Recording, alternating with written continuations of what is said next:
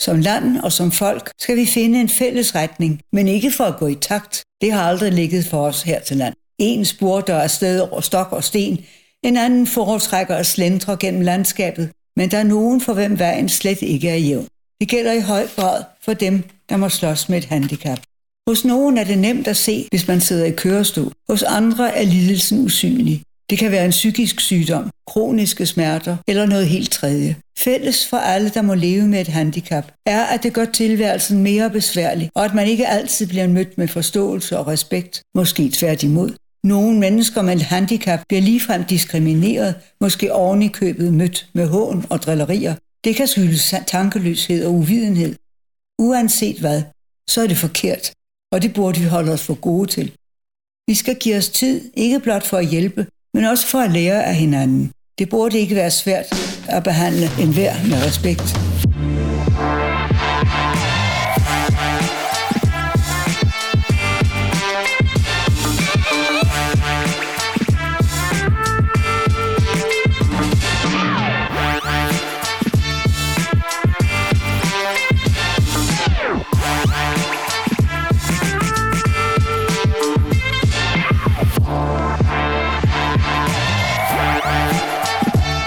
Til Koldfronten i det herrens og spassernes år 2022. Det er i dag den 2. januar. Mit navn er Daniel Frank, og med mig på den røde telefon direkte fra Aalborg har jeg min gode ven, som jeg altid ser som et ligeværdigt menneske som jeg selv. Og det er sagt helt uden kontekst. En mand, der sparker benene væk under dig med retoriske reprimander. En mand, der ikke er bleg for at smide dig en flybird i forbifarten. The one and only, Søren Meinerts. Godt nytår! Yep. Godt nytår, Daniel, og tak for den introduktion. Ja, selv tak. Og ja, øh, så er vi altså ind i 2022, og sikkert en måde, det blev, øh, det blev sparket i gang på. Med 300 øh, km i timen. Det var, lige det. Før, det var lige før, at politiet kom og konfiskerede noget. Ja, altså det var lige før, de stod ude og, og jeg sagde, den der crosser der, så Miners, den skal vi have, inden du kører væk på den. Øhm, inden du kører ind i oplysningstiden med den. Fordi, øh, som så mange andre nytårsaftener, så starter nytåret jo rigtigt kl. 18, når dronningen holder sin nytårstale. Og øh, vi startede med det her lille snas fra talen, årets tale. Øh, fordi at dronningen jo lagde et stort fokus på mennesker med handicap i sin tale. Øh, og hvis der skulle have gået nogen, nogens næse forbi, så er jeg en af dem. Og øh, det var bare rart at høre dronningen, ligesom i sin øh, lille, lille, lille, det kan vi ikke være bekendt, ting fra sidste års tale, så var det rart at høre hende sige, det burde ikke være svært at behandle en værd med respekt. Men det, er dejligt det, at høre. Det, det er på sin plads, men jeg synes også, altså, det er lidt ligesom den der skolelærer, ikke? der lige stiller ja. sig ud midt på gangen, og så siger, nu skal I lige opføre jer ordentligt. Ja. Ja, det er sgu rart, hun lige er der til lige at, ja. at rette ind. Men for fanden bør det virkelig være nødvendigt? Ja, og det, og det, er jo så, det er jo så en helt anden ting af det. Burde det være nødvendigt? Og det burde det jo så åbenbart. Hvad? Jeg forstår det ikke sådan. Jeg forstår det simpelthen ikke. Det er jo en... virkelig en stor børnehave efterhånden. Jamen, det er det. Øh, jeg, tror, jeg tror, grunden til, at hun sagde det, øh, det er, fordi der er stor fokus på, øh, på øh, hvordan øh, mennesker med handicap, øh, deres arbejdsevne. At den, at den ligesom, at det ligesom er svært, hvis man har et handicap, at komme i arbejde. Jeg tror, det er derfor, hun har valgt at sige noget om det. Men uanset hvad, var det bare rart at høre vores dronning sige det. Ja, fordi hun har vel næppe lige kigget ud af, af vinduet på Amalienborg, og så lige set og, en eller anden i kørestol. Køre rundt i cirkler på slotspladsen, og så sige, nå ja, det er rigtigt, ja, de skal også i arbejde.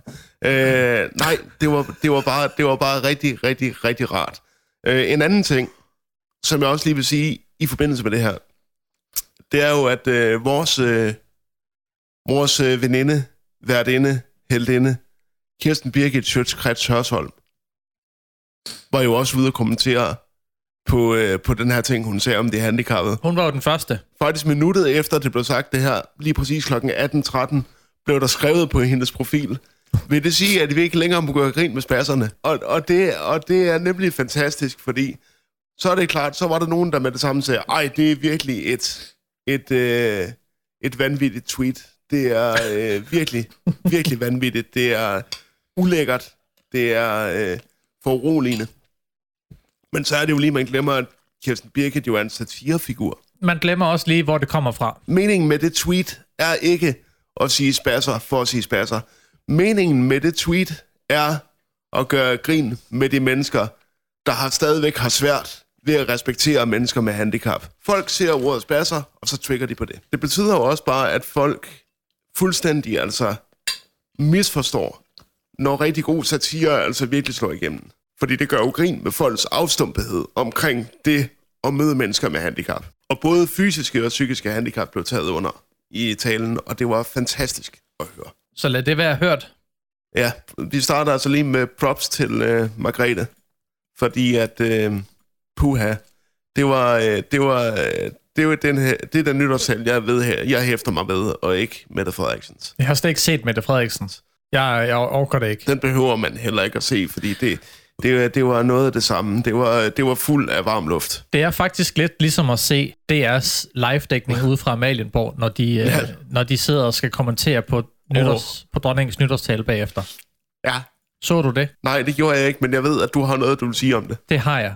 Og jeg tænker, nu vi er ved nytårstalen, lad os få det ud nu. Altså, jeg har ikke alt for meget at sige om selve talen. Jeg synes, det var godt, hun lige slog et slag for spasserne. Og klimaet. Jeg synes, det var fint, at hun lige nævnte øh, klimaet og sagde, at øh, nu skal vi altså lige nu skal vi lige gøre et eller andet, ikke? Eller, nu, vi har et ansvar her. Og efter nytårstalen, så klipper vi over til Kåre Kvist, som byder velkommen tilbage og øh, kommenterer på en af medværternes begejstring over dronningens nytårstale. Og hvad siger Jeg har skrevet det her ned, Søren, for jeg er nødt til at sige det her rigtigt. Her kommer en ordret transkribering af ja. det Cecilie Nielsen, historiker og tilrettelægger ved DR, havde at sige ja. om dronningens nytårstale. Ja. Historiker, skal vi lige huske at sige. Ja. Historiker og tilrettelægger ved ja. DR. Jamen, jeg synes simpelthen, det var en fantastisk tale. Altså, jeg tror, øh, nu så jeg den jo også ret meget intenst, når vi sidder her. Men den var altså virkelig god. Og der var nogen, især det her med, at hun nævnte klimaet, sagt med et blik til værterne, som om hun mener, at ingen andre i hele verden har snakket om det før. Og så det, at hun nævner Afghanistan og situationen der, var ja. virkelig noget som, øh, ja, ja, det, øh, det blev jeg faktisk rigtig glad for at høre. Kåre Kvist, skarp som han altid er, sigter på Cecilie med en skarpladt journalistriffel og spørger, hvorfor hun er så begejstret over det, hvor til Cecilie svarer, jamen det er fordi hun siger, at det vi alle nødt til at forholde os til i tide, og her hentyder hun naturligvis til dronningens ord omkring klimaet, og hvordan Klar. vi alle sammen har et ansvar, ansvar over for planeten. Altså, øh, det er god reminder om, at der skal gøres noget, og at vi er nødt til at gøre det nu. Det havde jeg faktisk ikke rigtig regnet med, hvis jeg skal være ærlig. Sagt at DR's historiker og tilrettelægger Cecilie Nielsen, som Kåre Kvist skyder lige i panden med ordene. Ja. Hvis vi lige spoler tilbage, så er det jo ikke en hemmelighed, at der har været debat, hvor dronningen netop har udtalt ja. sig omkring debatten. Præcis. Så hvad siger det her, spørger han så. Cecilie kigger ned i bordet, mens blodet siver ud af øjne og ører oven på det kritiske spørgsmål. Jamen, jeg... Det, det, det siger mig, at hun hun, hun siger, tørre er måske så meget sagt, men hun gentager jo noget, der er meget, meget vigtigt lige nu, og som jo også er meget vigtigt hos en ung generation. Så det her er jo også en dronning, som for mit blik at se, også taler til en generation, som rigtig gerne vil have, at der sker noget. Hun gjorde det også sidste år, da hun nævnte festivalerne. Og nu gid, der gad jeg simpelthen ikke at transkribere mere, hvad hun Nej. havde sagt. Jeg synes simpelthen, det er så dumt, det her, hun sidder og siger. Hvis, hvis vi lige skal se helt bort fra den sprogsalat, hun laver, ikke?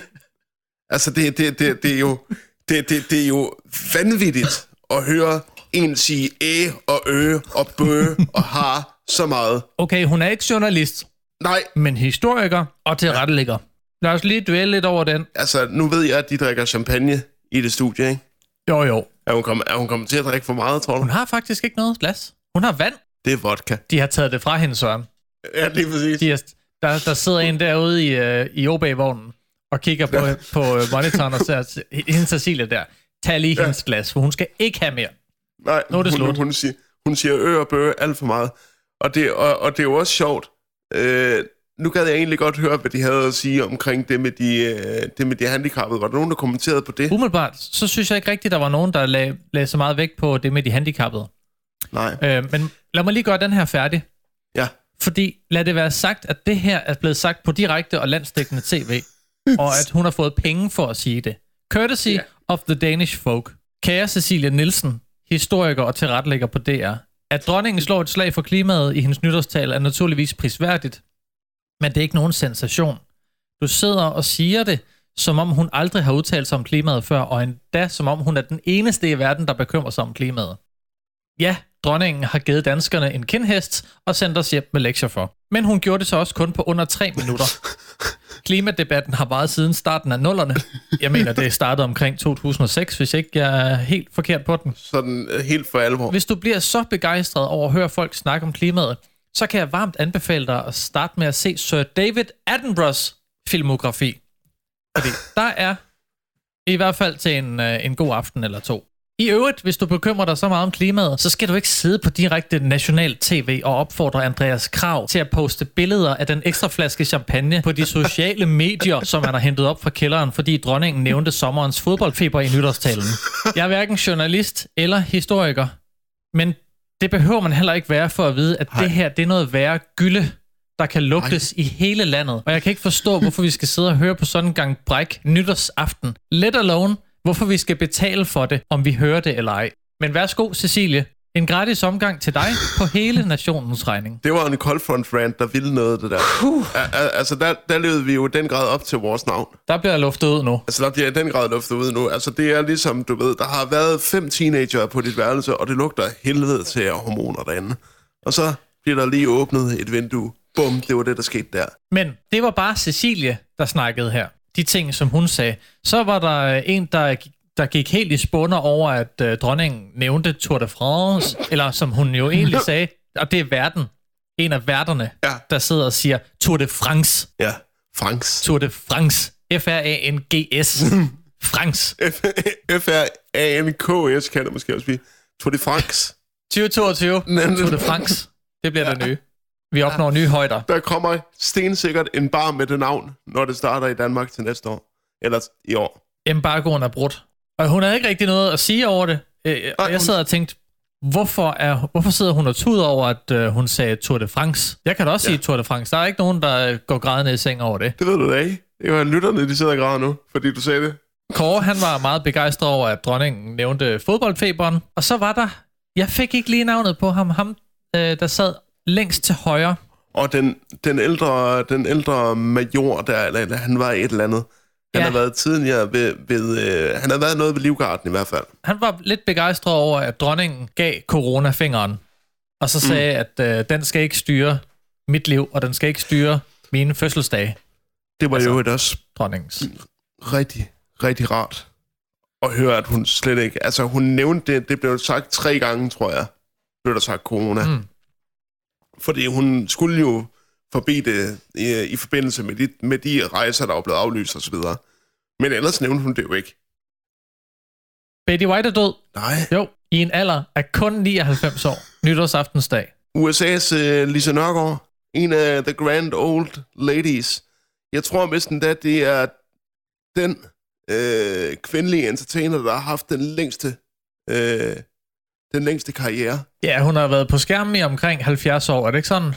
Jo, det tror jeg. Så det var altså den sidste pandertante, der var i der. Der jeg kender hende fra i hvert fald. Golden Girls. Den der åndssvage sitcom, man så, når man var syg, og derfor skulle se alt på TV3. Så kom der lige et, et firedobbelt afsnit eller sådan noget om formiddagen. Så kunne man sidde og få, øh, få den temasang på hjernen, mens man sad og prøvede at bekæmpe sin skyhøje feber. Og så var øh, Betty White også øh, meget kendt som øh, dyrerettighedsaktivist. Hun kæmpede for dyrene og bevarelse af naturskønne områder. Det ved jeg i hvert fald, at det var en af hendes øh, store mærkesager. Jeg tror, at hende og David Attenborough godt kunne have udgjort et uh, rigtig godt makkerpar. Jeg, jeg, jeg, tror også, jeg tror også, de har mødtes op til, op til flere gange. Hun har flere gange nævnt, at hun er meget begejstret for David Attenborough. Eller var meget begejstret. Øh, ja, og hun var jo... Øh, og så er hun altså død i en alder af 100 år. Eller næsten 99. 100 år. Tæt ja, på 100. fordi hun, hun, hun, ville følge, øh, hun ville have fyldt øh, 100 om 14 dage. Skal vi ikke bare lege, hun var 100? Teknisk set kan vi godt lege, hun var 100. Jo, Ja. lad os lege det.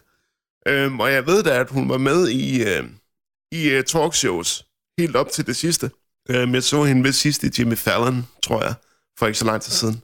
Så, og så vil jeg jo sige, så er hun jo nok den amerikanske, som jeg også sagde, den amerikanske pendant til Lisa Nørgaard. Ikke at sige, at øh, Betty White er journalist, men, men, øh, men, men, det, men, men det er sådan, det er to grand old ladies, som har meget til fælles. Hvor gammel er det, Lise Nørgaard er? Har hun ikke, er hun ikke fyldt 100? Hun er 104. Så det, det, det, er, det, det, er sådan, det bliver sådan Highlander nu.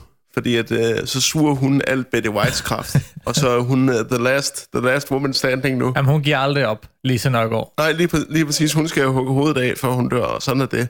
Men uh, rest in peace til Betty White. Æret være hendes mænde. Vi sad faktisk og snakkede om det, jeg tror det var juleaften, der sad vi og snakkede om Betty White. Og tænkte, nu må hun snart ryge, fordi hun kan da snart ikke blive ældre. Og den uh, snak blev ligesom båret med luften hen over Atlanten, og så bare satte sig i Betty White og ja, Og så kom det opgivende suk. Så kan det også være lige meget. Nu har de glemt mig. når selv, når selv folk i Hobro begynder at snakke om, at ja, det skal du ikke snart dø, så ved man, så er det på tide at tjekke ud. Der er jo forhåbentlig ikke nogen af hendes familie, der lytter med nu. Det skal du ikke sige. Vi har lyttere på den anden side af Atlanten, Okay, så man ved aldrig. men øh, så det eneste, de forstår, så er det jo også kun Betty White. Vi kan lige lade den gule bjælke stå, fordi jeg var på TV2's hjemmeside, herinde vi øh, begyndte at tale sammen. Bare lige fordi, Ja. jeg vidste ikke lige, øh, hvad jeg ellers skulle klikke mig ind på. Og der kunne jeg se en overskrift i sådan, en, øh, i sådan et hurtigt feed over de seneste store nyheder. Og der stod, at øh, Breivik har søgt om prøveløsladelse.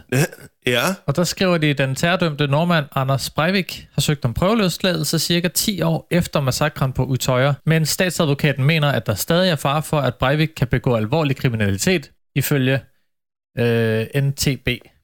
18. januar Ja. skal den norske tingret afgøre, om han stadig er så farlig, at det kræver særlig beskyttelse. okay. Så det var en kort og hurtig, men bare lige øh, et farsignal om, at øh, Ah, ja, det, det, det, bliver han ikke. Han bliver ikke løsladt. havde det været Danmark, så måske, men øh, nu er det i Norge, så det er ikke sikkert. Og nu, øh, nu, nu har vi jo øh, ham der, der blev tiltalt for og fængslet for rovmor på den der taxichauffør i 1986. Han er jo blevet løsladt nu. Har I ikke hørt om ham? Nej, men jeg er jo også fra 88, Søren. Du ved godt, jeg har kun hørt om ting, der er sket efter 88. Det vil sige, at 2. verdenskrig, det er sådan... Hvad er det? Ja, Det ved jeg slet ikke, hvad er. Det er hoax. der er en fyr, øh, som lige er blevet øh, løsladt efter, ja, det er jo så, ja, 35 år, øh, for rovmor på en øh, taxichauffør. Og han har altid hævdet, at, øh, at pistolen gik af ved et uheld, da han ville røve ham. Jeg, jeg, jeg, ved ikke, jeg, jeg ved ikke, hvad det er for et forsvar, men, øh, den, men den har anklagemyndigheden til Sydlandet heller ikke helt købt. Så det er derfor, han først er ude nu. Er, er ideen ikke med et røveri, at hvis du har en pistol, så bruger du den til at tro dig til nogle penge? Jo, Eller en gratis tur i taxaen. ja, selvfølgelig, det kan du også gøre. Enten så får jeg det her, eller så Præcis. skyder jeg dig. Og så har han jo til synligheden ikke fået det, og så har han skudt. Og så er det sgu ja. Så uheld. Den det er, den. Nej, han har bare færdiggjort den forbrydelse, han satte sig ud for at gøre. Men 35 år er gået. Yes, og han er altså... Må ikke han har lært af det? Og han er ude nu, men... Øh, Ja. Men, øh, der, men øh, der kommer... Der, men øh, man skal altså ikke forvente nogen, øh, nogen undskyldning fra de... Øh, eller nogen tilgivelse fra de pårørende. Hvilket jeg egentlig vil sige, at det er jo egentlig fair nok. Altså, manden har da trods alt dræbt nogen. Ja, Så øh, det kan han jo ikke rigtig løbe fra. Han har betalt bøgen, kan man sige. Han har øhm. betalt for øh, hans gerninger. ja. Og det var jo Det kan vi vel godt blive enige om. nu er jeg faktisk lige ved at se, at øh, han, det var jo faktisk en livstidsdom, han fik. Så han kunne sagtens have siddet længere tid. Livstid er der kun 16 år. Nej, det er, øh, Det er noget, folk tror, men man kan faktisk godt Nå. Få øh, livstidsdom i Danmark. Okay. Det kan man godt. Det er bare sådan en ongoing proces, fordi at hvis de vurderer, at du ikke kan løslades efter de 16 år, så bliver du der sgu. Nå, nå. Og det, det har man jo rigtigt. så vurderet løbende, gætter jeg på. Det har man så vurderet løbende, ja. Og der skulle altså gå 20 år mere, før han kunne blive løsladt. Og det var i 1985, han øh, skød og dræbte den her taxichauffør. Ved du, hvad han hedder? Nej, Seth Setsen. det var da et spøjs navn. Han, Det er her i Danmark. Vil, ja, den bortkommende taxichaufførs søster, der, der siger, hun vil aldrig øh, tilgive morderen. Han, hun mener ikke, han er blevet straffet hårdt nok. Helge Seth Nielsen hedder han faktisk rigtigt. Nå, okay. Han er bare kendt som Seth Sethsen. Jamen, der kan man også bare se, jeg skal jo ikke, jeg skal jo ikke søge på ekstrabladet, hvis jeg vil have det. Nej, men jeg læser også bare på Wikipedia. Det er jo der, ja. Hvor alle sandhederne står. Det er det, ja. Han er altså, han er altså ude nu. I en alder af 66 år. Jeg tror ikke, jeg tror ikke han begår flere rovmor. Jeg tror ikke, han kan. Eller kommer til at køre mere i taxa. Det gør han nok heller ikke, nej. Og hvis han gør, så får han en kæmpe takst oveni i hvert fald. Han får sådan et, du har mødtet min tidligere kollega gebyr. Ja. Og det, og Det er højt. Ja, det er højt. Det kan du godt regne med. At et år er gået, betyder også, at man skal kigge tilbage på filmoplevelserne. Filmåret 2021. Og øh, det har jo været lidt en, en blandet pose, fordi at det har jo både været præget af, af oplukning af landet og nedlukning af landet igen. Øh, det har været øh, ramt af, af at streamingtjenester lige pludselig er begyndt at, at streame deres nyeste titler øh, direkte øh, til hjemmebiografen. Ja, The Matrix, den kom der meget, meget hurtigt ud på HBO Max. Jamen, det var jo, fordi biograferne lukkede jo Ja. herhjemme. Men den er jo stadigvæk i biografen og resten af verden. Men den, det er faktisk en af dem, jeg ikke har set endnu. Fordi jeg er bange.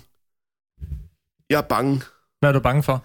Fordi, jeg, jeg, fordi det skal ikke være... øh, Jeg, jeg har set alle tre Matrix-film gentagende gange, men jeg er i virkeligheden kun rigtig begejstret for den første. Så du er reelt set bange for, at den fjerde film kommer til at ødelægge det mere, end hvad godt er? altså mere, mere, mere end det allerede blev. Fordi jeg vil Nå. jo sige, at uanset hvad jeg synes om Matrix 2 og 3, så var det meningen, det skulle være en trilogi. Og den trilogi blev ligesom lukket. Øh, men det forlyder jo også, at, øh, at øh, Warner Brothers hele tiden har gået og prikket øh, Lana Wachowski på skulderen og har sagt til hende, laver du ikke snart en fjerde, laver ikke snart en fjerde, laver du ikke snart en fjerde. Og så har de til sidst sagt, hvis ikke du gider lave en fjerde, så finder vi en, der gider. Og så har hun sagt, okay. Og skulle hun godt Så- nok ikke have nogen til at trække The Matrix-brandet ned i sølet. så laver jeg den fjerde Matrix-film. Og derfor lyder det for nogen, at den fjerde Matrix-film faktisk øh, er født lidt ud af en idé om, at man vil lave et follow-up til en allerede succesfuld trilogi. Bare fordi man vil malke nostalgien. Så det er faktisk en af plotpointsene i selve filmen. Mm. Fordi at, øh, og det kan godt være, at jeg giver en spoiler her, men så må man lade være med at lytte, eller også kan man lige så godt vide det. At, øh, at Neo, Thomas Anderson, øh, har glemt sin tilstedeværelse i Matrix, øh, og har udviklet en populær computerspilstrilogi. Og så bliver han øh, kontaktet om, at han skal lave det fjerde spil. See what they did there. Jeg synes, det er meget fedt ligesom at sige skråt op til øh, pengemændene. Og så ligesom sige, jamen hvis I vil have mig til at lave en fjerde Matrix-film, så laver jeg også det, som jeg vil lave. Og så sender jeg en kæmpe stor fuckfinger til jer direkte i filmens historie. Det synes jeg er ret fedt. Mm. Uanset hvad, det synes jeg. Det vil jeg give dig ret i. Og det er jo dem, der vil have en til at lave den. Hun vil ikke selv lave den. Ja, ja, hun blev nærmest tvunget til det. Så øh, det var de der øh, pengegriske mænd inde hos øh, Warner Brothers, der ville det. Og jeg ved ikke, jeg tror ikke den anden, fordi det, det, de startede jo med at være, jeg ved ikke om du kender baghistorien for, øh, for øh, ophavs, det var jo ophavsmænd dengang. Der hed de jo Andy og Larry Wachowski. Og nu hedder de Lily og Lana Wachowski. Hmm. Hvis du... Ja, ja, ja, ja, altså de, øh, de har bare fået kønsskifteoperationen begge to. Aha. Og Lana, vil jeg sige, har altid lignet en kvinde, efter, efter hun fik sin, øh, sin øh, kønsskifteoperation til at være transkvinde. Men, men broren, der nu er søsteren, Lily Wachowski, ligner altså, ligner altså bare en mand i dametøj. Det er jeg altså ked af at sige. Så det, det er to søskende, der begge har skiftet køn. Ja, Og det, og det, er, det er lidt ligesom om, at, øh, at, øh, at, at Andy, som han hed, har ville støtte sin, øh, støtte sin øh, bror, nu søster, øh, i sin øh, beslutning. Men han har ikke rigtig... Han, er ikke rigtig, øh, han kan ikke rigtig finde ud af at gøre det på den rigtige måde, så han har bare iklædt sig drag. Jeg forestiller mig mere, at de har stået over for hinanden. Broren har stået og kigget på søsteren og sagt, "Men du har fået kønsskiftesoperation, det, det vil jeg også have. Så vil jeg også, ja. Og du kan, du kan prøve, prøv lige at lave en Google-billedsøgning på Lily Wachowski, og så fortæl mig, om det ikke ligner en mand i dametøj. Det kan vi godt blive enige om. Det er en mand i dametøj, ikke? Jo. Hvorimod jeg det. synes, at Lana med det røde hår faktisk godt kunne gå for at være kvinde, ikke? Eller det er hun jo så også nu, ikke? Jeg tror, det har noget at gøre med manglende makeup. Det tror jeg også, ja. Altså, hvis man Men, lige øh, ser Lillis, eller Lana, Ja. eller ja, hende, der var mand. Hun har da trods alt øh, meget mere makeup og, øh, og pyntet par ryggen i øh, Ja. feminine farver, eller hvad, hvad nu skal Og, sige. og, har, og har også en mere, en mere feminin øh, krop, så at sige. Robin Williams gjorde det bedre. Nu kom vi helt ud på et tidsspor, fordi vi skulle snakke om filmåret 2021, og jeg har Ja, faktisk ja, ja, lavet en... selvfølgelig. Men, men det Jeg er jo har det, vi kan, Søren. Det er jo det, vi Ja. gør. Vi stiller os op på det store isbjerg, og så lige pludselig, så kommer lavinen. Så kommer ind, og vi får ikke nogen advarsel, og det gør I heller ikke derude bag højtaleren. Kan du ikke give bare sådan en, en top 3 fra hoften over de bedste film i 2021? Nej, jeg, jeg siger hele min top 10. Du har, okay, du har en top 10? Jamen, øh, jeg, jeg tager afstand fra mig selv her, og øh, Og jeg, og jeg siger bare titlerne. Jeg siger bare titlerne. Nummer 10 går til House of Gucci, Ridley Scotts nye film. Nummer 9 går til Cop Shop. Nummer 8 er Shang-Chi and the Legend of the Ten Rings, Marvel-filmen. Nummer 7, Sound of Metal. Nummer 6, Judas and the Black Messiah. Nummer 5, Noche de Fuego, som er en meksikansk Netflix-film. Nummer 4 er Nobody med Bob Odenkirk. Nummer 3 er Spider-Man No Way Home. Nummer 2 er The Suicide Squad. Og nummer 1 er Pig med Nicolas Cage. Det er altså en god film. Det handler bare om, at Nicolas Cage er den her tidligere øh, mesterkok, som nu lever øh, i vildnæsset og ligesom bare øh, har sit øh, trøffel, sin trøffelgris, sit trøffelsvin, som er god til at finde trøfler, og så sælger han dem til øh, store øh, restaurationer. Øh, og det er sådan, han tjener sine penge. Og så bliver det her trøffelsvin faktisk kidnappet. Og så går han på en mission for at finde det tilbage til det civiliserede samfund. så går der fuld Ghost Rider i dem, med Ej, nej, nej, Flaming nej, nej. Skull og det hele. Og, Ej, ej, nej, nej, nej, nej. Det er et meget, meget, meget afdæmpet drama. Nå, okay. Meget afdæmpet. Så det er ikke sådan en klassisk Nicolas Cage-film. Nej, nej. Ej, nej, nej, nej. Han, øh, han giver en af sine bedste præstationer i lang tid her i. Han Jamen, den virkelig lyder da lovende. heri. Så, øh, men den er overhovedet ikke det, man forventer af den, når man, når man, øh, når man måske ser traileren. Men jeg var i hvert fald meget, meget, meget glad for den her film. Og derfor får den førstepladsen. Det overrasker mig lidt, at Dune ikke var med på den liste. Var du ikke glad for den? Nej, det var en pisseflot film. Dune var en smadreflot film, og lavet af en af de bedste instruktører, der lever i dag. Men udover billederne, så var der ikke en skid, jeg kunne hække mig ved i den film. Jeg var ikke interesseret i karaktererne, jeg var ikke interesseret i historien. Jeg var ikke interesseret i noget. Det føltes bare som sådan en lang række af exposition, der bare skulle gøres ligesom, for at lægge grund til en verden. Det var piloten. Det var øh, persongalleriet, man lige fik. Ja. Og nu, og nu har jeg også sagt, at jeg vil give den et gensyn, når nummer to film i rækken kommer. Så giver jeg den et gensyn, og så ser jeg, om den sammen med nummer to danner en mere cohesive storyline. Og hvis den gør det, så vil jeg måske stadigvæk kun sige, at nummer to er en god film, hvorimod etteren bare er en mærkelig form for opvarmning. Der er pisseflot lavet. Må ikke de laver en Zack Snyder til sidst, når de har fået udgivet alle tre film, og laver en lang film? Det prøvede de med The Godfather også en gang. Det virker bare ikke så godt, jo. og klippe alle tre Godfather-film sammen. Og hold nu fast, øh, de klipper, har klippet den i kronologisk rækkefølge, de tre Godfather-film. Og hvis man bare har set de tre Godfather-film, så ved man godt, at det er meningen, de ikke skal ses i, i kronologisk rækkefølge i forhold til tidslinjen i hvert fald. Fordi man kan jo sige, at den første film er jo, foregår jo i 1945 til 1955, og toeren foregår jo øh, både som en fortsættelse, men også som en, en prequel til den første film, hvor man følger Vito Corleone, fra han kommer til øh, fra øh, Sicilien og så til øh, USA. Og det, det, det, det giver bare, det ødelægger den tragiske dynamik, der ellers er i filmene, at man vil klippe dem sammen kronologisk. Men Dune er jo, Dune er jo ment som en, en kronologisk historie, kan man sige. Jeg mener ikke, nu har jeg ikke læst Dune-bøgerne, men jeg tror, at de er forholdsvis kronologiske. Så der vil det jo nok ikke ødelægge det store. Nu sad vi jo lige og snakkede om en film, hvor øh, et dyr bliver kidnappet. Og så kom jeg sådan bare til at cykle forbi Ekstrabladet. Og øh, kan du huske årgang 0, Daniel? Altså, øh, tv-programmet. Ja, hvor man skal følge dem, der er født i år 2000. Jeg, har, jeg ved, hvad det går ud på, men jeg har ikke set Godt. det. Godt. Jeg ved, hvad Der du er, en snakker af, om. der er en af de her øh, piger fra årgang 0, Mathilde Bu- Buschau, hedder hun vist, bliver lagt for had efter en nytårsvideo. Og øh, grunden til, at hun bliver lagt for had, det er, fordi hun har lagt en video ud, der er gået viralt, hvor hun under nytårsfejringerne løfter sin hund op i nakkeskinnet. Nej, Jo, det skal man da heller ikke. Så, øh, så videoen den har fået en lang række vrede danskere til tasterne, der påpeger, at det er, der er tale om dyreplageri og dyremishandling, og at hun er blevet meldt til dyreværnet. Men Mathilde, hun siger, at hun er offret. Det er mig, der er offret her, og ikke Theo, siger hun til Ekstrabladet og fortsætter. Theo må så per definition være hunden, ikke? Øhm, jeg bliver svinet til, og min virksomhed bliver væltet af dårlige anmeldelser, hvor jeg bliver kaldt dyrmishandler, dyrplager og hvad ved jeg. Og, med, og, og så begynder de så også at svine hendes familie til. Det er, okay, det, det skal man heller ikke. Altså det...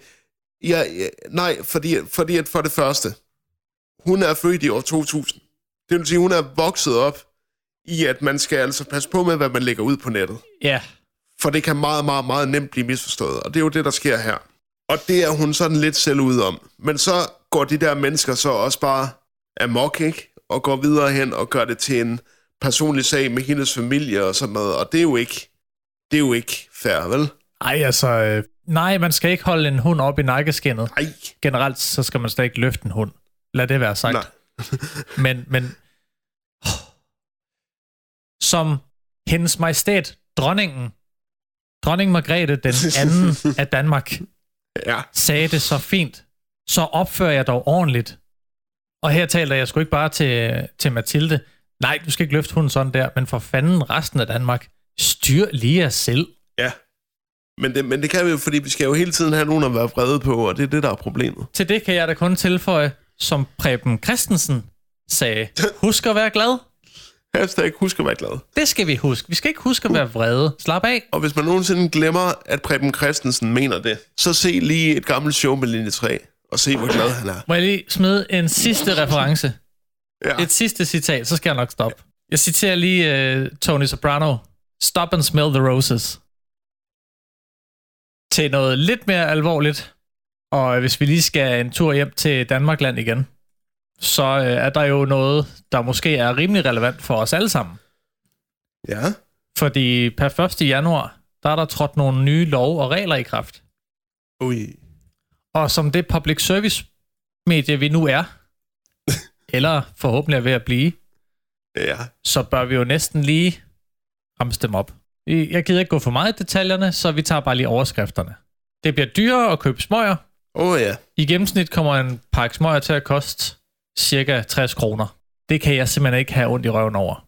Fordi Nej, det, jo dyrere det jeg bliver, jo færre smøger bliver der røget, forhåbentlig. og det siger jeg, som en, der ryger en gang imellem. Så bliver det et krav, at man skal have styrthjelm på, når man kører på el-løbehjul.